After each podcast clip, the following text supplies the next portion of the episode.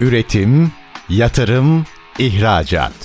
Üreten Türkiye'nin radyosu Endüstri Radyo sizin bulunduğunuz her yerde. Endüstri Radyo'yu arabada, bilgisayarda ve cep telefonunuzdan her yerde dinleyebilirsiniz. Endüstri Radyo.com Çetin Ünsal'ın hazırlayıp sunduğu İşte Bunu Konuşalım programı başlıyor. İşte bunu konuşalımdan merhabalar. Türkiye'nin gerçek gündeminde birlikteyiz. Efendim bugün beyaz yakalara yönelik yapılan önemli bir araştırmayı mercek altına alacağız. Beyaz yaka çalışanların enflasyona ilişkin yaklaşımlarını içeren beyazların enflasyonla mücadelesi araştırmasını konuşacağız. Araştırmayı yapan isim bizlerle birlikte. Daha doğrusu o kurumun yetkilisi bizlerle birlikte. Tek başına yapmadı tabii ki. Ekip var değil mi Üstad? Tabii ki. AGS Global Araştırma Kurucusu ve CEO'su Ahmet Güler Bugün işte bunu konuşalımın konu. Sayın Güler hoş geldiniz. Hoş bulduk Çetin Bey teşekkür ediyorum. Üstad o kadar nokta atışı bir kesim seçmişsiniz ki beyaz yaka. Yani şimdi enflasyonla ilgili mücadeleye baktığınızda sahaya çıktığınızda işte çalışanlarla yapabilirsiniz. Yani mavi yaka ile yapabilirsiniz. Emeklilerle yapabilirsiniz. Aşağı yukarı çıkacak sonuçları da hepimiz tahmin ederiz. Beyaz yaka çok bilinmez bir alan. Nefis nokta atışı bir şey yapmışsınız. Niye önemli beyaz yaka? Seçerken neyi önceliklendirdiniz? Yani araştırmaya geleceğim ama araştırmadan önce açıkçası bunu çok merak ettim. Şöyle tabii iş dünyasına yönelik çok fazla çalışma yaptık. Yapıyoruz hali hazırda. Düzenli periyodik çalışmalar, tracking dediğimiz modeller. Beyaz yakayı seçmemizdeki amaç esasen şirketlerin stratejilerine yön veren, orta ve üst düzey yöneticiler dediğimiz hem ekonomiyi enflasyonu ve bir takım parametreleri sonuna kadar yaşayan hem de karar almak durumunda kalan, riski yönetmeye çalışan, şirketlerin stratejisine yön veren kişiler bunlar. Dolayısıyla Türkiye içinde, dünyanın her tarafı içinde, gelişmiş ekonomilerde bilhassa çok kıymeti harbiyesi bilinmesi gereken bir sınıf burası, bir zümre diyebiliriz. Dolayısıyla dedik ki malum bir adeta bir türbülanstan geçiyoruz iktisadi anlamda. Hı. Bu sefer de beyaz yakanın tutumunu, davranışını ölçelim. Beyaz yakanın bakış açısını bir inceleyelim istedik ve bu minvalde çarpıcı sonuçlarla karşılaştık. Çarpın etkisi çok yüksek bir karar mekanizması. Yani şimdi sadece şahsi hayatında enflasyonla bakış açısı değil, oradaki tavrı aynı zamanda satın almalara, hatta belki yatırım kararlarına kadar etkileyebilecek bir algıyı da beraberinde getiriyor. Detaylarına gireceğim ama Hı. rapor, daha doğrusu araştırma neticelendikten sonra ve önünüze geldikten sonra ne gördünüz? Şöyle az önce bahsettiğiniz gibi aslında bunlar bu beyaz yakalı dediğimiz çalışan grup şirketlerin hem satın almasına hem pazarlamasına finansmanı yani vesaire. Finansmanı evet bir bir futbol tabiriyle kalecisi de beyaz yaka, golcüsü atanı da beyaz yaka, tutanı da beyaz yaka. Tabii biz enflasyonla ilgili nasıl bir döngünün içerisine girmişler ona baktık ve birazdan belki detaylarına gireceğiz ama şunu gördük ki hemen her anlamda enflasyonun dibine kadar yaşayan bir gruptan bahsediyoruz. İşte ulaşımdan tatil anlayışına kadar, e, geçtiğimiz yılki davranışından bu yılki davranışının dramatik değişimine kadar birçok çarpıcı sonuçla karşılaştık. Dolayısıyla belki başlık başlık gidersek Çok orada da bir takım enteresan veriler e, sunmuş olalım dinleyicilerimize. Bu arada tabii özellikle ben araştırmaya şöyle bir göz attım da biraz sonra konuşacağız. Turizm sektörünü çok yakından ilgilendiriyor. Evet, evet, evet. Çünkü beyaz yaka aynı zamanda satın alma gücü nispeten toplumun bir çıta üzerinde olan bir kesim. O yüzden oradaki turizm eğilimleri bence turizm sektörü orayı özellikle dinlemesinde fayda var. Bu arada ben bir detay vereyim. 29 Eylül 1 Ekim 2023 tarihleri arasında online yöntemle yapılıyor ve Türkiye'nin önde gelen sanayi ve ticaret şehirlerinden 201 beyaz yakalı evet. profesyonelle evet. yapılıyor bu e, araştırma. Şimdi enflasyon başta olmak üzere en çok zorlayan başlık diyoruz. Bunun içerisinde neler zorlamış beyaz yakayı mesela? Biz dedik ki geride bıraktığımız birkaç ayda sizi en çok hangi başlıklar zorladı? Tabii beyaz yaka dediğimiz kesim sosyoekonomik statü olarak AB grubu dediğimiz Hı-hı. grup. Yani C1, C2, D gibi orta gelirin biraz daha üstünde. Orta Aynı zamanda herkesin de mal sattığı. Mal sattığı, ekonomiyi canlandırdığı. Yani kendi şirketlerinde de çok stratejik konumda olan ama piyasanın içerisinde de tüketici anlamında da stratejik öneme haiz bir grup. O yüzden burayı özellikle seçtik ve buraya bir fokus olalım dedik. Buradaki buranın hani kendi fay hatlarında biriken enerjisini şöyle bir inceleyelim istedik. Hangi başlıklarda zorladık dediğimiz zaman aslında tabii birçok parametre var ama en fazla en çarpıcı sonuç ulaşım ve yakıtta karşımıza çıktı. Yani %59,7'si ulaşım ve yakıt meselesinin kendisini diğer unsurlardan çok daha fazla zorladığını belirtti. Onu gıda market alışverişi gibi gündelik gıda alışverişi takip etti. Giyim, ayakkabı, ev dışı yeme içme ki oraya bir parantez açacağız birazdan.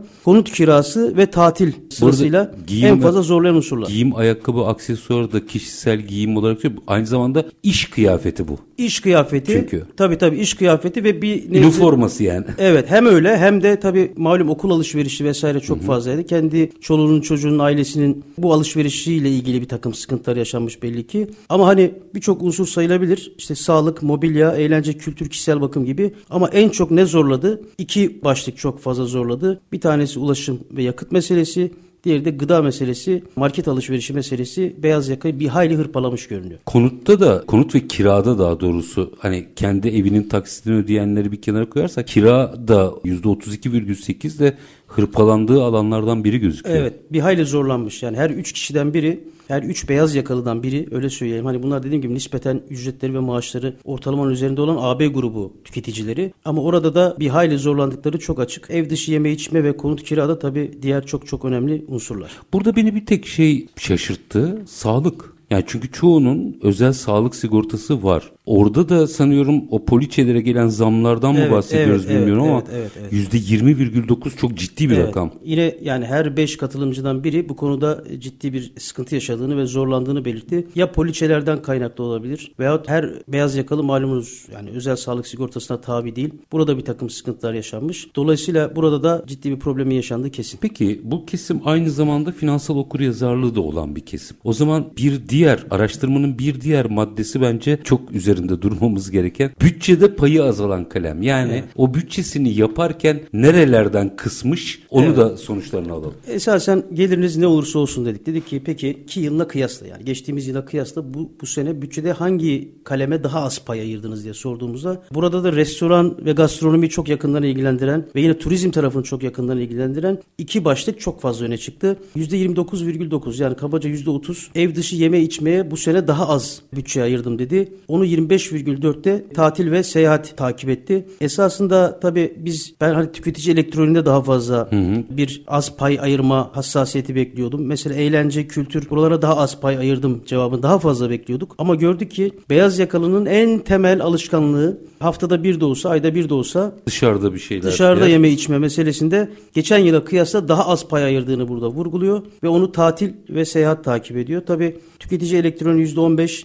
Giyim ayakkabı %10,4, eğlence 9. Bunlar nispeten az ama %30 ev dışı yeme içme ve %25,4 tatil ve seyahat. Beyaz yakanın burada elinde olmaksızın veyahut bile isteye bir tasarrufa gittiğini bizi bize gösteriyor. Tabi burada maliyetlerin de çok fazla artması, Tabii. dışarıda yeme içmenin bugün külfetinin çok daha maksimize olması, tatilin birazdan özellikle konuşacağız çünkü tatil ve seyahati özellikle sorguladık. E burada da çok fazla fiyat artışlarının yaşanması beyaz yakalıyı burada imtina etmeye zorlamış çok bariz ve net. Birkaç detay var onu da açmanızı rica edeceğim. Mesela kültüre ve mobilya ve ev eşyasına bütçesini kısıtlamamış. Bu enteresan. Evet çok daha az. Çok daha çok az daha yani az. o görece oransal olarak daha az. Bir de tüketici elektroniğini %15'lerde kısıtlaman bir kesim. Sanıyorum burada bir bilinç var. Yani onun bir ekonominin parçası olduğunu, iş yapış biçimi olduğunun sanki resmedilmesi gibi bu. Hem o hem de aslında bir yerde bu soru bir önem sıralaması Hı-hı. sorusu. Bir yerde neyi çok fazla önemsediğini de burada sorgulamış oluyoruz. Şunu diyor aslında tüketici, beyaz yaka tüketici bize.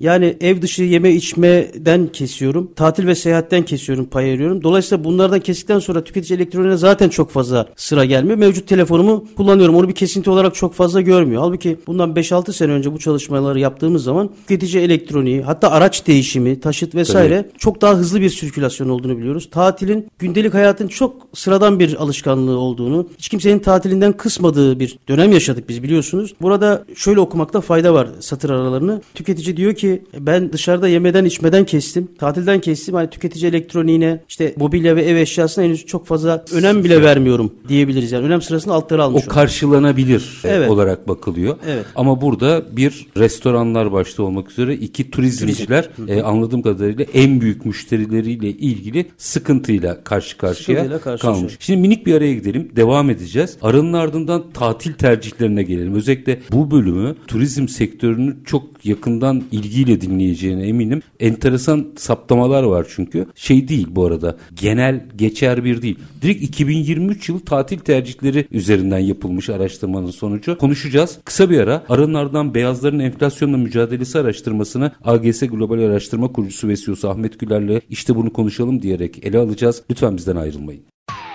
Üretim, yatırım, ihracat. Üreten Türkiye'nin radyosu Endüstri Radyo sizin bulunduğunuz her yerde. Endüstri Radyo'yu arabada, bilgisayarda ve cep telefonunuzdan her yerde dinleyebilirsiniz.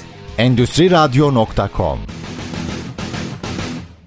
Kısa bir aranın ardından işte bunu konuşalım devam ediyor efendim. Beyaz yaka çalışanların enflasyona ilişkin mücadelesini konuşuyoruz. Bu konuyla ilgili yapılmış araştırma aslında çok çarpıcı sonuçları ortaya koyarken aynı zamanda belli başlı sektörlere de mesajlar veriyor. Bunlardan biri de turizm. AGS Global Araştırma Kurucusu ve CEO'su Ahmet Güler bizlerle birlikte. Şimdi geldik turizme. Tatil tercihleri 2023 sonuçları bence özellikle okunması gerekiyor. Çünkü bunlar aslında turizm sektörünün iç turist açısından açısından baktığınızda en potansiyel hedef kitlesi. Evet. Yani bir yerde şimdiye kadar yapılan çalışmalarda, yaptığımız çalışmalarda tatilini bir rutin haline getiren bir kesimden bahsediyoruz. Yani bu sene tatile nasıl gideceğim diye düşünmeyen kesim. Düşünmeyen hatta Ocak ve Şubat aylarından itibaren rezervasyonunu yaptıran, buna göre planlı programını yaptıran, kartından taksitli bir şekilde çekimini yaptıran bir grup burası. E, fakat burada... Bu arada şunun altını çizelim mi? Ağırlıklı olarak orta büyüklükteki işletmelerin bile üzerindeki beyaz yakalar evet, bahsediyoruz. Evet evet aslında orta ve üst düzey şirketlerin beyaz yakalı Hı-hı. kesim var. Yani ISO 500 diyebiliriz Hı-hı. kabaca. Burada biz dedik ki bu yaz tatil yapabildiniz mi? Birazdan 2022 ile bir benchmark da yapacağız. Hı-hı. Bir mukayese yapacağız. %50,7'si yani iki kişiden biri evet yurt içinde yaptım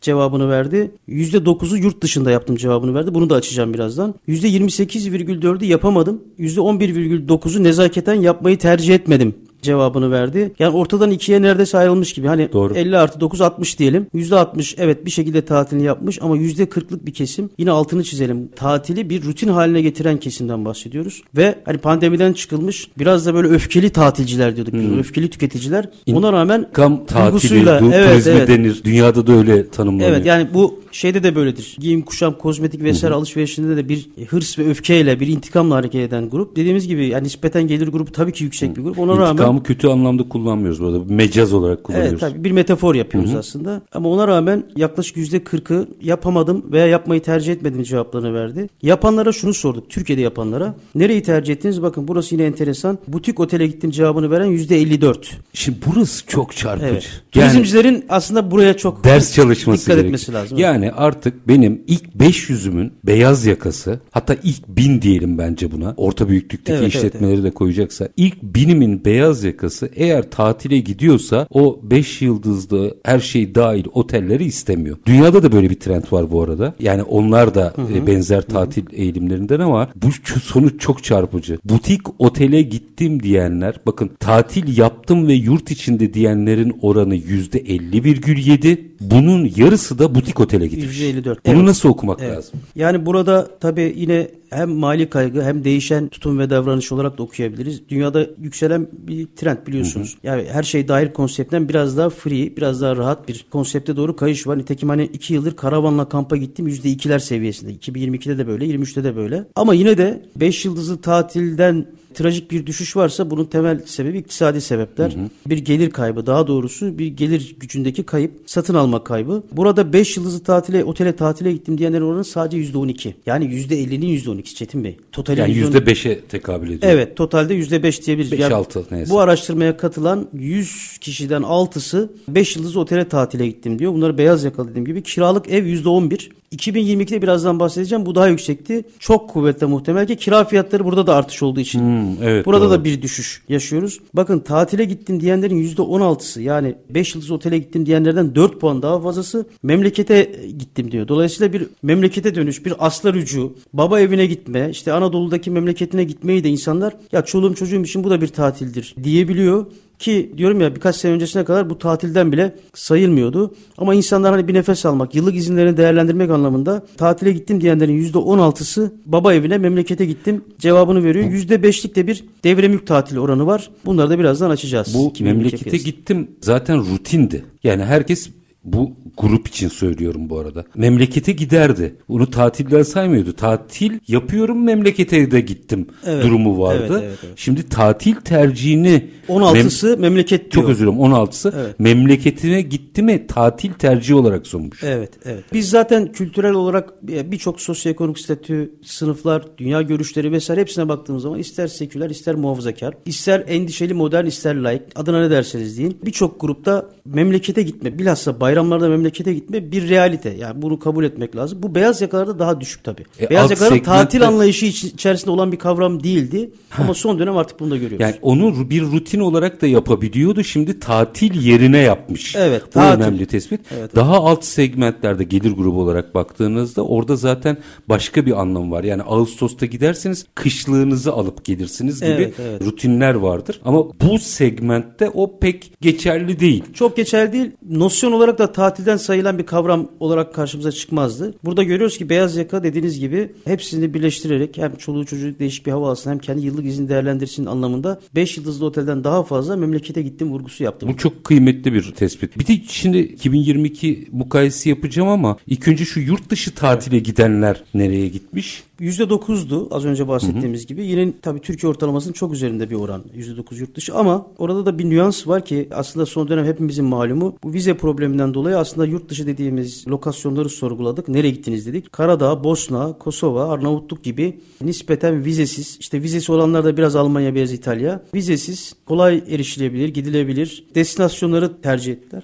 Onlara da yani bizim nüfuz alanımıza gitmişler aslında. Evet evet yani bizim yani memlekete gitmek gibi bir şey. Şimdi Karadağ'a gitmek, Bosna'ya Çok daha yakın. Yani buradan Erzurum'a, Trabzon'a gitmenizden çok daha Tabii. yakın bir destinasyon burası. Bir enteresan Almanya ve İtalya var orada. Vize ben... problemi yaşamayan nispeten daha üst gelir. Evet grubunun tercih ettiği bir yer olarak karşımıza çıktı. Burada tabii niye tercih ediyorsunuz diye de sorguladık. Yani Hı-hı. neden yurt dışında işte bu ülkeyi seçtiniz, bu ülkeyi seçme nedeniniz? İlk sırada en fazla cevap veren husus yurt içi tatilden daha ucuza geldi. Ha, mesela turizmcilerin bunu da okuması evet, lazım. Evet. Hatta bu Balkanlar için biliyorsunuz son dönem Yunanistan hatta İtalya burada neredeyse Türkiye'den daha uyguna geliyor gibi bir takım serzenişlerle karşılaştık. Doğruluk payı da şüphesiz vardır. Dolayısıyla onu vize olmadığı için cevabı karşıladı. Yani niye Karadağ? Vize olmadığı için. Aile ziyareti Balkanlarda yaşayanlarda veya Almanya'da hmm. yaşayanlar için nispeten var ama kültürel ziyaret cevabıyla da karşılaştık. Dolayısıyla bir potpourri, bir mix. E, hepsi harmanlanmış. Yurt dışına gidiyorsam madem öyle vize problemi yaşıyorsam biraz daha tabii bütçesel bir kaygım varsa Türkiye'den daha uygun ailemle Bosna'ya, Karadağ'a, eski Yugoslav ülkelerine giderim ve burada daha da uygun fiyata tatil yaparım. Belki bunun satır aralarında şeyler de vardır, kalmıştır. Malumuz bir iPhone turizmi vardı. Buralar buralarda belki o tarz bir turizminde Hı-hı. ayak izlerini rastlayabiliriz. Detaylandırmak isterim ama markayı markayı telaffuz etmeseydiniz detaylandırabilirdim. Şimdi markadan e, başka türlü anlaşılır. Ama herkes anladı ne, ne demek istediği aslında. Dünyanın bir numaralı akıllı telefon markası. Satın alması için. Evet, evet. Çünkü çok fark ediyor fiyatlar. Çok fark ediyor Ciddi fiyatlar. fark var çok. evet. Şimdi üstad şimdi bunu böyle bu senenin yani 2023'ün tespitleri olarak okurken burada kıymetli bir veri daha var. Mukayesiyi yapabilmemiz evet. için az önce siz de atıfta atıfta bulundunuz. Biraz 2022 ile karşılaştırmak gerekiyor. 2022 şu açıdan kritik. 2020 ve 21'deki pandemiden sonraki en hacimli yıl aslında. Evet, evet. Şimdi Geçen seneyle mukayese ettiğimizde ne sonuç çıktı? Orada da tabii enteresan içgörülerle karşılaştık. Geçen sene 2022 yazında ne yaptınız diye sorduğumuzda yurt içinde tatil yaptım diyenlerin oranı %65'ti. Aşağı. Bu seneyi de hatırlatalım. %50,7 yani neredeyse 14-15 puanlık bir düşüş var. Düşüş var. Bir senede bu çok tabii büyük bir oran düşüş anlamında. Yapamadım diyenler geçen sene 20,9 iken bu sene 28,4 olarak karşımıza çıktı. Tabii yapmayı tercih etmedimle beraber geçen sene bu oran %27 civarındayken bu sene bu oran %40'a geldi. Yani 13-14 puanlık bir negatif bir manzarayla karşı karşıyayız. Yaptım diyenler 13-14 puan düşerken yapmadım diyenler haliyle 13-14 puan yükseldiği bir neticeyle karşılaştık. Yurt dışı meselesi %9'da sabit. Oralarda bir değişiklik yok. Yani yurt dışına giden kitle aynı şekilde yurt dışına gitmiş. Orayı çok bozmamış. Destinasyonlar değişmiş şüphesiz. Hı hı. Fakat 13-14 puanlık bir düşüş var. E, burada 2024'ün yazı için şimdiden turizmcilerin hakikaten kafa kafaya vererek çalıştaylar, araba konferansları yapmak suretiyle veya sektörde hem tüketicileri de işin içine katacak bir şura yapmak suretiyle mutlaka 24 yazın hazırlıklarını şimdiden yapmalarında fayda var. Hem yurt dışından gelecek turist için mutlaka bir perspektifimizin olması lazım. Hem de Türk turisti için Akdeniz'de tatil yapmak isteyen, 5 yıldızlı ta- otellerde tatil yapmak isteyen veyahut aşağı inip orada vakit geçirmek isteyen Türk turistler için de mutlaka ve mutlaka bir aksiyon ve eylem planı oluşturmak zorundalar. Orada kişisel yorumunuzu merak ederim Üstad. Şimdi böyle bir çalıştay düzenlendiğinde bu arada beyaz yakanın sonuçlarını konuştuğumuza göre bunlar en potansiyel turist. Tabii. Aslında yurt içi ve yurt dışı açısından baktığınızda nelerin üzerinde durmalılar mesela o çalıştayda sizin okumanız ne çıkarıyor? Ya mesela şöyle tatil yapma lokasyon, tatil daha doğrusu tatil seçeneklerini sorguladık. Hani az önce konuştuk ya butik otel, kiralama vesaire. Mesela 5 yıldızlı otel sadece geçen sene %17'ler 18'ler seviyesindeyken bu sene %12'ye düştü. Şüphesiz dediğim gibi bunda enflasyonun muhakkak ki Payı şeyi var. var. payı var. Fakat bu 5-6 puanlık düşüş iyi irdelenmeli. Mesela geçen sene butik otel 51 iken bu sene 54 seviyelerine geliyor. Kiralık evlerde düşüşler var. Kiralık ev evet turizmcilerin çok sevdiği bir şey değil ama kiralamalarda da belli ki ciddi manada enflasyondan payını almış görünüyor. Memlekete gittim meselesi Yükseliş var. Tabii yani 11-12 seviyelerden 16-17'lere gelmişse Çıkmış. burada Türk turizmcisinin, turistinin daha doğrusu geleneksel turizmden kaçışını görüyoruz. Bunlar sadece fiyat artışlarıyla, satın alma gücüyle e, açıklanamaz şeyler. Bu basite kaçmak olur. Evet Türkiye bu sene yurt dışından gelen turist açısından çok önemli rakamlar elde etti. 2024 için çok iyi hedeflerimiz var. Ama iç piyasada, iç turist için de, iç turizmci için de mutlaka bir takım çalışmaların yapılması lazım. Dediğim gibi bu şuraların, istişarelerin yapılması lazım. Ama bu sadece sektör oyuncularını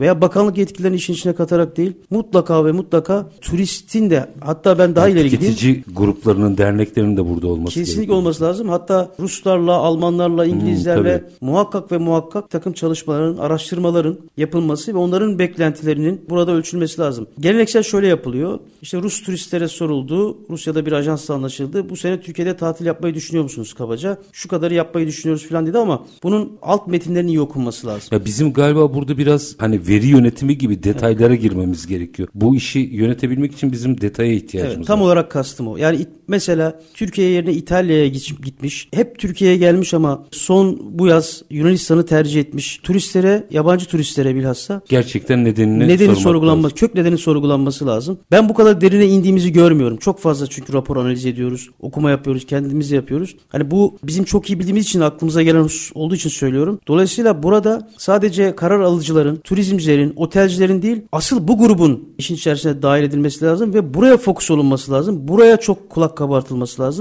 İyi dinlenmesi gereken ve çıkartılacaksa aksiyon planı bunlar üzerinden çıkartılması lazım gerektiğini düşünüyoruz. Hoş sinyaller değil verilen ama ders çalışılırsa yani anlaşılırsa da en azından ne yapılırsa iş tersine dönerin yanıtını bulabileceğiniz bir Evet veya kesim. nerede yapıyorsak hatalarımızla da yüzleşmek Evet. lazım. Nerede hata yapıyoruz bunlara da bakmak lazım. Biz mesela geçtiğimiz sene 48 ülke vatandaşına ayrı ayrı ülke vatandaşına 8 ayrı dilde Türkiye'de yatırım yapan kişiler bunlar gayrimenkul anlamında turizm anlamında bunlara niye Türkiye'yi tercih ettiklerini Türkiye'nin yanında başka ülke varsa ne yaparlarsa o ülkedeki yatırımların Türkiye'ye çekebileceklerine dair kapsamlı çalışmalar gerçekleştirdik ve sadece kantitatif de değildi bunlar. Bir kısmı derinlemesine mülakatlardı ve oradan müthiş bir tabii sinerji ve aksiyon planı ortaya çıktı. Kastım tam da bu. Yani burada yerli ve yabancı turistlerin iyi dinlenilmesi, iyi not edilmesi ve yapılacak adımların bunlar üzerinden yapılması lazım. Çünkü müşteri odaklı değilseniz ne yaparsanız yapın bir yerde ya fiyattan Aynen ya başka bir yerden o golü yersiniz. Gol yersiniz. Şimdi minik bir araya gideceğim yine. Aranın ardından araştırmanın detayları analizini yapmaya devam edeceğiz. Ulaşım maliyetleriyle mücadeleye bakacağız. Burada enteresan bir şekilde mesela elektrikli araç satın almayı düşünenler var.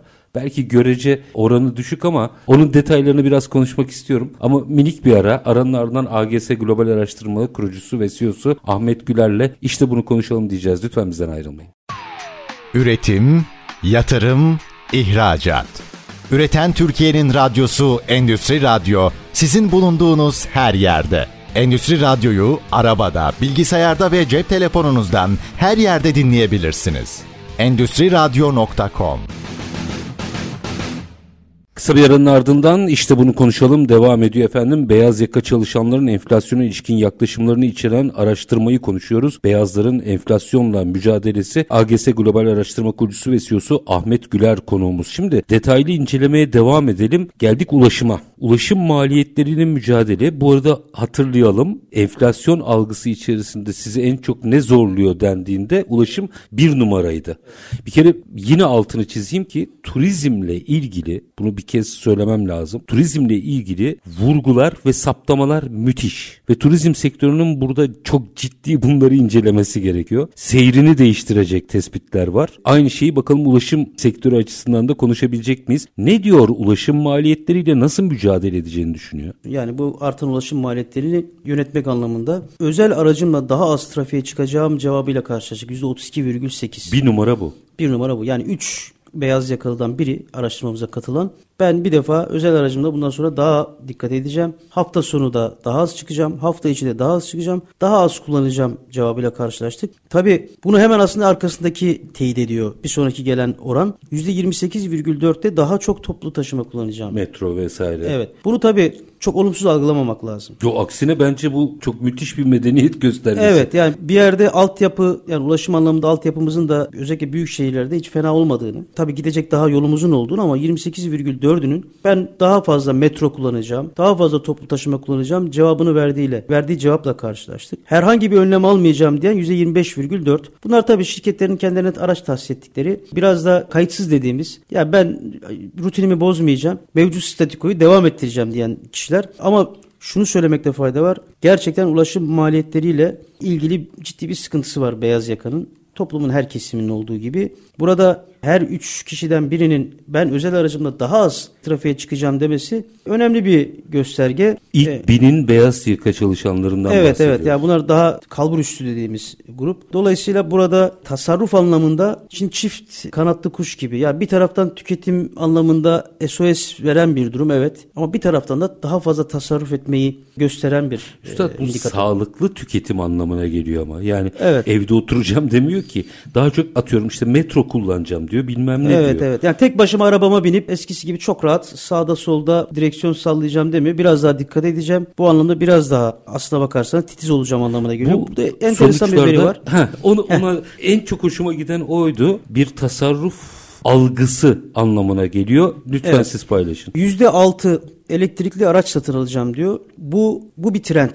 Aslına bakarsanız ok yaydan çıktı. Hani bir araştırmacı olarak çok net gördüğüm bu. Artık elektrikli araç satın alacağım. Biliyorsunuz elektrikli araç bir süredir var. Hı hı. Sadece Türkiye'nin değil dünyanın gündeminde. Ama hep altyapısıyla ilgili, enerji yakıt istasyonları ile ilgili e, bir sürü soru işareti vardı. Artık trend daha doğrusu o mevcut statikonun kırıldığını, paradigmanın değiştiğini görüyoruz. Burada %6'lık bir elektrikli araç satın alacağım. E, Çare olarak söylüyor bunu. Şimdi bu, bu çok kıymetli. Evet. Ya oraya döneceğim. Artık ben bu yakıtlarla uğraşmak istemiyorum. Elektrikli araçta belli ki artık hani oturan bir altyapı sistemine sahip olmak üzere %6'sı elektrikli araç satın alacağım diyor. Bunu muhtemelen ilerleyen süreçlerde yaptığımız zaman bu trend yukarı doğru gidecek. Burada hani burada marka vereyim. Bunlara biz hangi marka bir tanesini söyleyeyim. Verin. Burada uzak ara TOK cevabıyla karşılaştık. Yani o da bize ait olduğu için milli marka olduğu için söylüyorum. Milli markamız. Dolayısıyla Burada da orada da gösterecektir bu tip bize. orada da bir başarı hikayesinden söz edebiliriz bu anlamda. Bir dönüşümden bahsedebiliriz. İş yerime yakın lokasyona taşınacağım. Bakın bu da en az elektrikli araç kadar aynı cevabı almış. %6.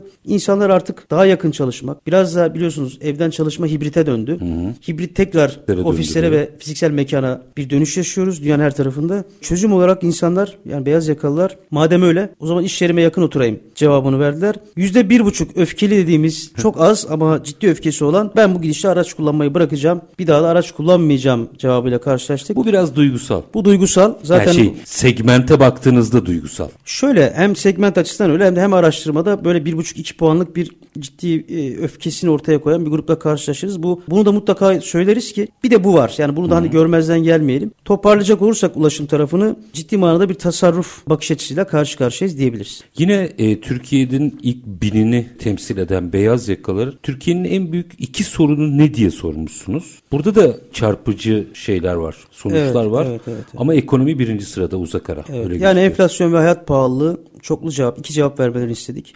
%85,1 belli ki hala çok e, yakıcı bir şekilde gündemimizde. Tabi son dönem şimdi birazdan o duygu barometresinde de konuşacağız. Biraz daha en kötünün geride kaldığı ile ilgili bir bakış açısı var. Geçen sefer konuştuğumuz duygu barometresi ile ilgili de bir araştırma Tabii devam ediyoruz. O geçen ayda bu minik işte bir bu... sonucu çıktı. Yine baktığımızda göçmen sorunu Göçmen sorunu önünde. hala hazırda %44,8. Bu tabi beyaz yakanın toplumun diğer kesimlerine nispeten daha hassas olduğu bir konu. Hmm, evet. Dolayısıyla algısal anlamda da da farkındalık anlamında da e, öne çıkmasının sebebi bu. Biraz da tabii basın, medya biliyorsunuz ciddi bu manada bir tazzik var. İkinci sırada göçmen sorunuyla karşı karşıyayız. Konut bulamama. Ha burada işte evet. bir sürü şey var. Deprem, işsizlik, iç politika gerginlikleri, susuzluk, jeopolitik tansiyonda artış. Bunların oranlarına değil de bu ikisine gelmek istiyorum. İki tane var. Bunlardan birincisi konut bulamama. Beyaz yakada 22,4. Evet. Bu ürkütücü. Şaşırtıcı olansa iklim krizini yüzde bir buçuk Evet. Ben burada çok daha yüksek bir bilinç bekliyordum. Yani toplumun hemen hemen ortalaması aslında bakarsanız. Yani biz ha, bunların e, iktisadi sonuçları da olduğu için beyaz yaka bunun daha çok farkındadır diye düşünüyorum. Evet ama işin doğrusu şu. Biz şirketlerde hani bu Green Deal meselesi, yeşil Hı-hı. mutabakat ciddi bir dönüşüm içerisindeler. Çok tabii doğru adımlar, hamleler. Ama toplumun ister beyaz yaka, ister mavi yaka, ister altın yaka, gri yaka adına dersek diyelim. Toplumumuzda henüz bu yeterince oturmadığı oturmadığını gösteren bir O ders çalışmamızı göster gerektiğini gösteriyor. Bakın bize. susuzluk da mesela ki o çalışma yaptığımız zaman susuzlukla ilgili de Haberler e, bilhassa İstanbul'da mu? problem vardı. yüzde dokuz. Yani beyaz yaka bize diyor ki benim enflasyonla ilgili öyle problemlerim var ki bundan 3-5 sene öncesine göre. Diğerleri veya konut bulamama veya deprem meselesi bilhassa büyük şehirlerde İstanbul gibi İzmir 18'lerde gibi. 18'lerde o da. Evet yani ben henüz benim için ilk iki sırada bu değil. Hadi biz bunları hangilerini sorun olarak görüyorsun desek tabii hemen hemen hepsi büyük problem olarak karşımıza çıkardı ama bana en majör iki problemini söyle dediğimiz zaman iklim krizine, jeopolitik tansiyona ve susuzluğa sıra gelmiyor. Bunu çok net söyleyebiliriz. Uzak ara enflasyon ve hayat pahalılığı önde zaten burada. Evet, Ama evet. yani iklim krizi cevabı beni açıkçası çok şaşırttı. Şimdi bir dört dakikam var. Duygu barometresi geçen sefer böyle ince ince dokunmuştuk. Bu beyaz yaka araştırmasının ötesinde duygu barometresi ile ilgili son sonuçlar bize ne anlatıyor? Ümit var bir fotoğraf var. Evet, Sorun evet. devam ediyor bu arada. Evet, evet. Detayları sizden alalım. Yani hatırlarsanız geçtiğimiz ayda anlatmıştık. Artık her ay düzenli bir hale getirdik bunu. Bütün bu çalışmalarımızdan bağımsız olarak. Burada temkinli bekleyiş benim her zaman en fazla dikkat ettiğim husus. Hani hep diyoruz Türkiye gibi dinamik, kalkınmakta olan, hızla ilerlemesi gereken bir ülke için yani hem jeopolitik konum itibariyle hem genç nüfus itibariyle ayağını hiç gazdan çekmemesi gereken bir ülke olarak temkinli bekleyiş bizi her zaman bir temkine sürükledi. Geçtiğimiz ay 66,7 idi bu temkinli bekleyiş ki her 3 kişiden ikisi yapıyordu. Çok e, hakikaten pik yapmıştı yani. Bugüne kadar yaptığımız yaptığımız çalışmaların en zirvesiydi. Bu ay yaptığımız çalışmada bunun 52,7'ye düştüğünü gördük. Yani bir yüzde 12-13 Evet 13-14 puanlık var. bir burada bir gerileme var. Peki o nereye yansımış? Bakın geçtiğimiz ay fırsatlar için tetikte diye belirtenlerin oranı yüzde 19,6 iken bu ay yaptığımız çalışmada yüzde 25'e hmm. yükselmiş Konsantre durumda. olmuşlar. Evet sanki türbülans hızını azaltıyor. Mehmet Şimşek Sayın Bakan ve ekibinin yaptığı çalışmalar yavaş yavaş artık ne yapmaya çalışıldığı ve bu anlamda piyasalara verilen mesajların bir karşılığının olduğunu görüyoruz. Burada inşallah yani bir stratejik bir hata yapmazsak, kritik bir takım hatalar yapmazsak en kötüsü geride kaldı diye hem ümit ediyoruz hem data bize onu söylüyor. Çünkü içe kapanma ve daralma geçen ay %17 iken e, bu ay %12,9. 4 puanlık bir geliyor. Tabii var. yani her başlıkta her parametrede hemen hemen birkaç puanlık bir ileriye doğru bir sıçrayış var. E, bu tabii mesela geçen ay İştahlı büyüme yalnız %6 ve 7'lerdeyken bu ay yaptığımız çalışmada 9.5'a gelmiş durumda. 3 puan, 4 puan her başlıkta pozitif bir manzarayla, bir kompozisyonla karşı karşıyayız. Bu tabi biraz yatırım ikliminin de hemen hemen normalleşmeye doğru gidişi, enflasyonun da biraz daha stabilize oluşu ve tabi yeknesak bir iktisadi yönetimin şu anda piyasalara verdiği mesajlardan ötürü bir iyiye gidiş var. İyi diyelim iyi olsun. Dolayısıyla öyle bitirelim. Hani ben bu e, şey duygu barometresi tarafını. İnşallah önümüzdeki ay yaptığımız zaman bir 5-10 puan daha pozitif bir neticeyle karşılaşırız diye ümit ediyoruz. zaten onda. Süren bitti ama son birkaç cümle tekrar beyaz yaka araştırması ile ilgili bir değerlendirme almak isterim sizden. İlk bini içerisindeki bu beyaz yaka araştırmasını niye doğru okumalıyız? Beyaz yaka söylediğimiz gibi biz de araştırma yaptığımız şirketlerde muhataplarımız. Yani satın almadan e, satışa giden süreçte e, şirketin asıl taşıyıcı kolonları, e, stratejik karar alanlar, orta ve üst düzey yöneticiler Türkiye'nin en kritik kadrosu. Dünyada hep böyle yani. Dünyanın her şirketinde böyle. Bugün neyse isim vermeyelim. Dünyanın bir numaralı şirket dediğiniz yerlerde dahi bu grup beyaz yaka, orta ve üst düzey yöneticiler asıl taşıyıcı kolonlar. Karar vericiler. Karar vericiler. Az önce dediğimiz gibi hem golü tutanlar hem golü atan grup. Dolayısıyla bunların temayülleri, eğilimleri, bunların bize verdiği içgörüler, fikirler aslında nereye gidileceğini ve mevcut durumun ne kadar dramatik olduğunu gösteriyor. Mesela turizmi konuştuk. Hı hı. Turizmde çok ciddi bir takım sinyaller var. Beyaz yaka bağırıyor. Bu data burada bağırıyor işte. Ulaşımla ilgili çok ciddi bir takım veriler var işte gördük, konuştuk az önce. Beyaz yakanın pozitif bakış açısı şirketlerin pozitif bakış açısına döner. Şirketler meseleyi pozitif ele alırsa Türkiye Yaşayın. pozitif ele alır. Dolayısıyla beyaz yakayı kazanan Türkiye'yi kazanır. AGS Global Araştırma kurucusu ve CEO'su Ahmet Güler çok teşekkür ediyorum. Ben teşekkür ee, ederim. Kıymetli e, bir araştırma olduğunu düşünüyorum ve nokta atışı bir kesim seçilmiş. Dediğim gibi bunu AB segmentinde konuşsak aşağı yukarı neler çıkabileceğini tahmin ediyoruz. AB grubu evet. bunlar karar vericiler. Önemliydi bence ne düşündükleri ama galiba bu araştırmayı çok turizmcilere yaramış eğer sonuçlarını iyi değerlendirirlerse. Değerlendirirlerse evet. E, sanki gel bak ben senin için çalıştay yaptım gibi sonuçlar var içinde çünkü. Evet, evet, evet. Üstad çok çok teşekkür ediyorum. Ben teşekkür ederim. Sağ olun nazik davetiniz için her zamanki gibi. Çok hoş bir sohbet oldu. Tekrar teşekkür ediyor. Bundan sonraki programlar için de iyi yayınlar diliyorum. Var olunuz. Çok çok teşekkür ediyorum. Efendim biz bugün beyaz yaka çalışanların enflasyona ilişkin yaklaşımları içeren araştırmayı, beyazların enflasyonla mücadelesi araştırmasını konuştuk. Önemli notlar vardı. Eminim herkes kendi adına almıştır. Biz detayları AGS Global Araştırma Kurucusu ve CEO'su Ahmet Güler'le sizin için işte bunu konuşalım diyerek ele aldık. Her zamanki gibi bitirelim. İşinizi konuşun, işinizle konuşun. Sonra gelin işte bunu konuşalım. Hoşçakalın efendim.